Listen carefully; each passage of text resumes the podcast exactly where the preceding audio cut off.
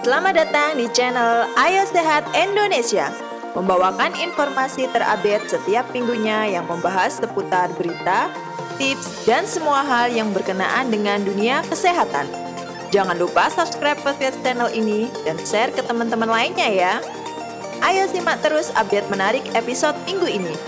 Silahkan kunjungi website kami di ayosehatindonesia.wordpress.com Kemudian, subscribe atau follow Ayo Sehat Indonesia di Facebook, YouTube, dan podcast di iTunes.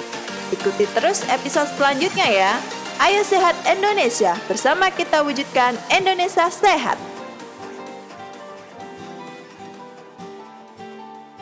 I'm standing on the edge of a cliff. Assalamualaikum warahmatullahi wabarakatuh. Oke, gimana kabar sahabat Ayu Sehat Indonesia? Saya harap sahabat-sahabat di sana sekarang kondisinya sehat walafiat ya, tidak berkurang satu apa pun. Oke, ketemu lagi dengan saya di sini, Gilang. Ini saya akan sedikit mungkin bercerita ya dengan teman-teman untuk episode yang kedua ini. Oh ya, mungkin teman-teman ada yang bertanya, istilahnya, kok episode yang kedua ini baru terbit sekarang atau baru rilis sekarang ya? Karena di sini kita tim untuk Ayu Sehat Indonesia karena kebanyakannya sibuk juga, jadi baru sempat rilis pada bulan-bulan ini. Oke, untuk teman-teman yang baru pertama kali mendengarkan channel istilahnya podcast Ayu Sehat Indonesia mungkin bisa ngikutin dulu di episode yang pertama. Episode yang pertama kita waktu itu membahas masalah MR, vaksinasi MR nah, terkait rubella.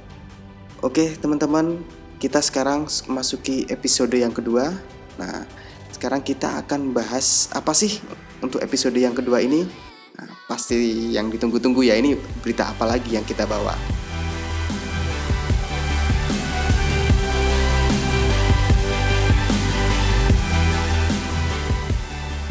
Sahabat Ayo Sehat Indonesia, ini kita masuk ke episode yang kedua. Episode kali ini kita akan membahas terkait difteri. Oke, difteri. Ada yang tahu itu difteri apa? Oke, yang belum tahu nggak apa-apa. Ini sekedar informasi buat rekan-rekan semua. Ini untuk informasinya adalah saat ini Indonesia sedang KLB difteri, ya. Jadi ada kejadian luar biasa terkait difteri. Jadi yang teman-teman biasanya kalau baca di berita media sosial, di media-media mainstream yang ada di internet atau di koran, mungkin mendengar beberapa bulan yang lalu Indonesia sempat heboh untuk kesehatan ini terkait masalah difteri.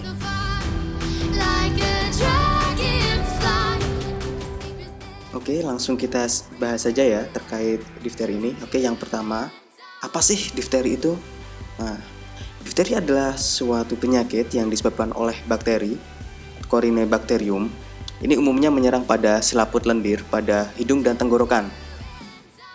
Gejalanya ini seperti demam, sakit menelan, kemudian muncul selaput putih di bagian tenggorokan. Ini yang paling istilahnya paling umum, yang paling kelihatan jelas. Jadi orang yang terkena difteri itu biasanya di bagian tenggorokan atau orang biasanya nyebutnya di bagian itu loh lokasinya di dekat amandel situ tenggorokan. Pangkalnya situ di situ biasanya akan muncul selaput-selaput putih. Nah, kalau ada muncul selaput putih bisa saja itu difteri. Oke, selain itu selain ciri-cirinya muncul selaput juga ada ciri-ciri lainnya. Seperti leher membengkak atau bull neck. Jadi leher itu kalau difteri sudah parah, nah lehernya itu akan sedikit membengkak. Jadi seperti leher bull, bull neck. Jadi seperti apa istilahnya banteng ya. Jadi besar. Kemudian sesak nafas dan juga tidurnya bisa ngorok. Ini biasanya kalau orang jadi contohnya gini ngorok itu maksudnya dia sebelumnya nggak pernah ngorok. Kok tiba-tiba dia kok ngorok lah mengorok ya itu salah satu cirinya juga bisa juga. Tapi kan ada tapi nggak mesti ya. Jadi orang mengorok itu pasti kena ya enggak. Jadi kalau ampanya ada sahabat-sahabat yang memang tidurnya atau temennya tidurnya itu ngorok, apakah itu difteri ya belum tentu. Jadi kita ngelihat dulu.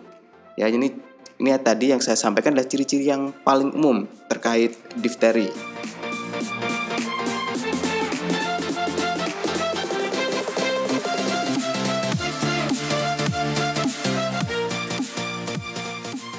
Sahabat Ayo Sehat Indonesia, tadi kan saya sudah jelaskan ya terkait ciri-ciri difteri, ciri-cirinya yang seperti saya sampaikan tadi.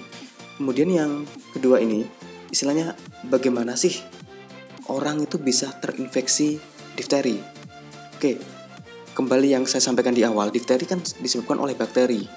Bakteri tersebut yang menyebabkan penyakit difteri itu hanya hidup di manusia. Jadi penye- penyebarannya itu ya dari manusia ke manusia. Ini penyebarannya biasanya ini dari apa partikel udara. Jadi dari orang yang batuk-batuk atau bersin itu bisa istilahnya membantu menyebarkan bakteri difteri tersebut. Jadi cukup ini agak hati-hati ya. Ini memang bukan agak hati tapi memang harus waspada untuk penyakit difteri ini karena penyebarannya bisa lewat udara dari bersin atau dari batuk orang yang menderita difteri. Kemudian kan kita tahu ini kan penyebarannya kan dari manusia ke manusia. Nah, ini saya sebenarnya sempat dengar sih.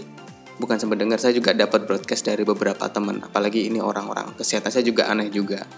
Di situ ada broadcast mengatakan awas wabah bakteri eh maaf apa istilahnya wabah difteri yang mengancam kita. Kemudian kata-kata di situ sangat wah provokatif sekali. Di situ nyebutin kalau bahaya difteri, hati-hati.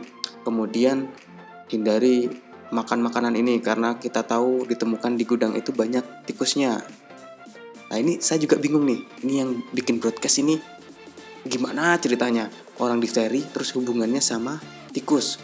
Di situ juga nyebutin makanan itu sudah dikontaminasi oleh tikus, air kencing tikus lah. Ini kan juga bingung. Tapi gitu ya istilahnya banyak juga orang yang percaya dan share berita tersebut. Padahal itu semuanya hoax ya. Hoax dalam arti tikus itu nggak ada kaitannya dengan difteri di sini. Jadi tikus mungkin punya ada pembawa penyakit lain seperti leptospirosis dan seterusnya. Jadi hanya pelurusan saja. Jadi untuk difteri ini disebarkan melalui manusia ke manusia melalui droplet. Droplet ya itu tadi dari istilahnya dari batuk, dari bersin antara orang yang sakit kepada orang yang tidak sakit. Jadi ini perlu digarisbawahi. Sahabat Sehat Indonesia, ini saat ini Indonesia sudah dinyatakan KLB difteri oleh Kementerian Kesehatan. Kemudian dari Kementerian Kesehatan sudah menyebarkan surat ya ke seluruh misalnya ke seluruh penjuru Indonesia yang mengatakan kalau sekarang kita itu wabah KLB difteri. Oke, sekarang wabah. Kita sekarang ini KLB karena kita tahu sudah banyak orang yang meninggal dan jumlah kasusnya sangat wah, istilahnya meledak sekali. Ini sebagai informasi untuk Jawa Timur saja ini sudah ratusan kasus sudah muncul dan puluhan orang sudah meninggal dikarenakan difteri.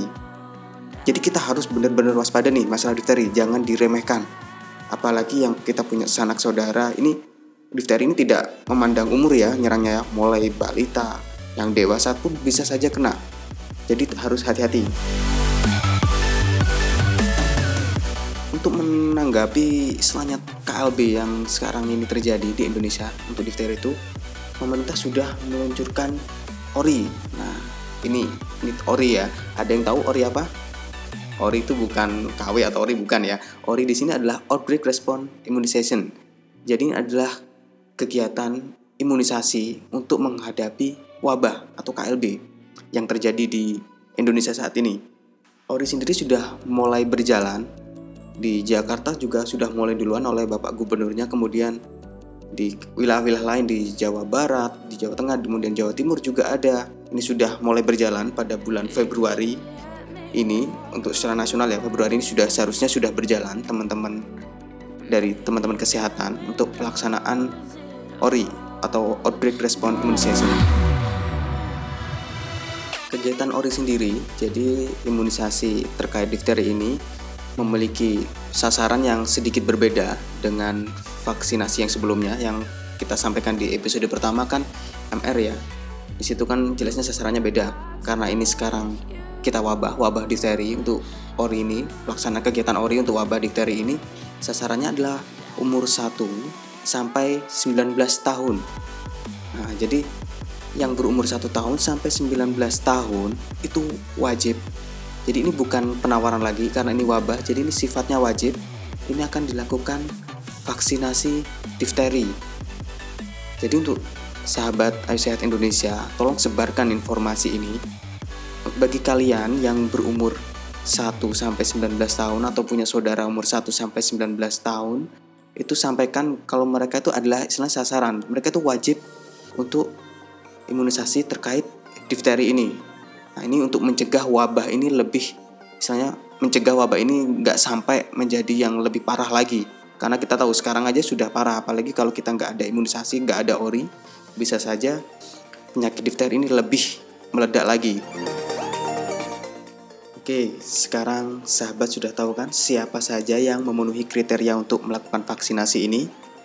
Jadi, mari kita sekarang saling mengingatkan antar teman, saudara, kerabat, atau siapa pun, dan juga orang tua kita.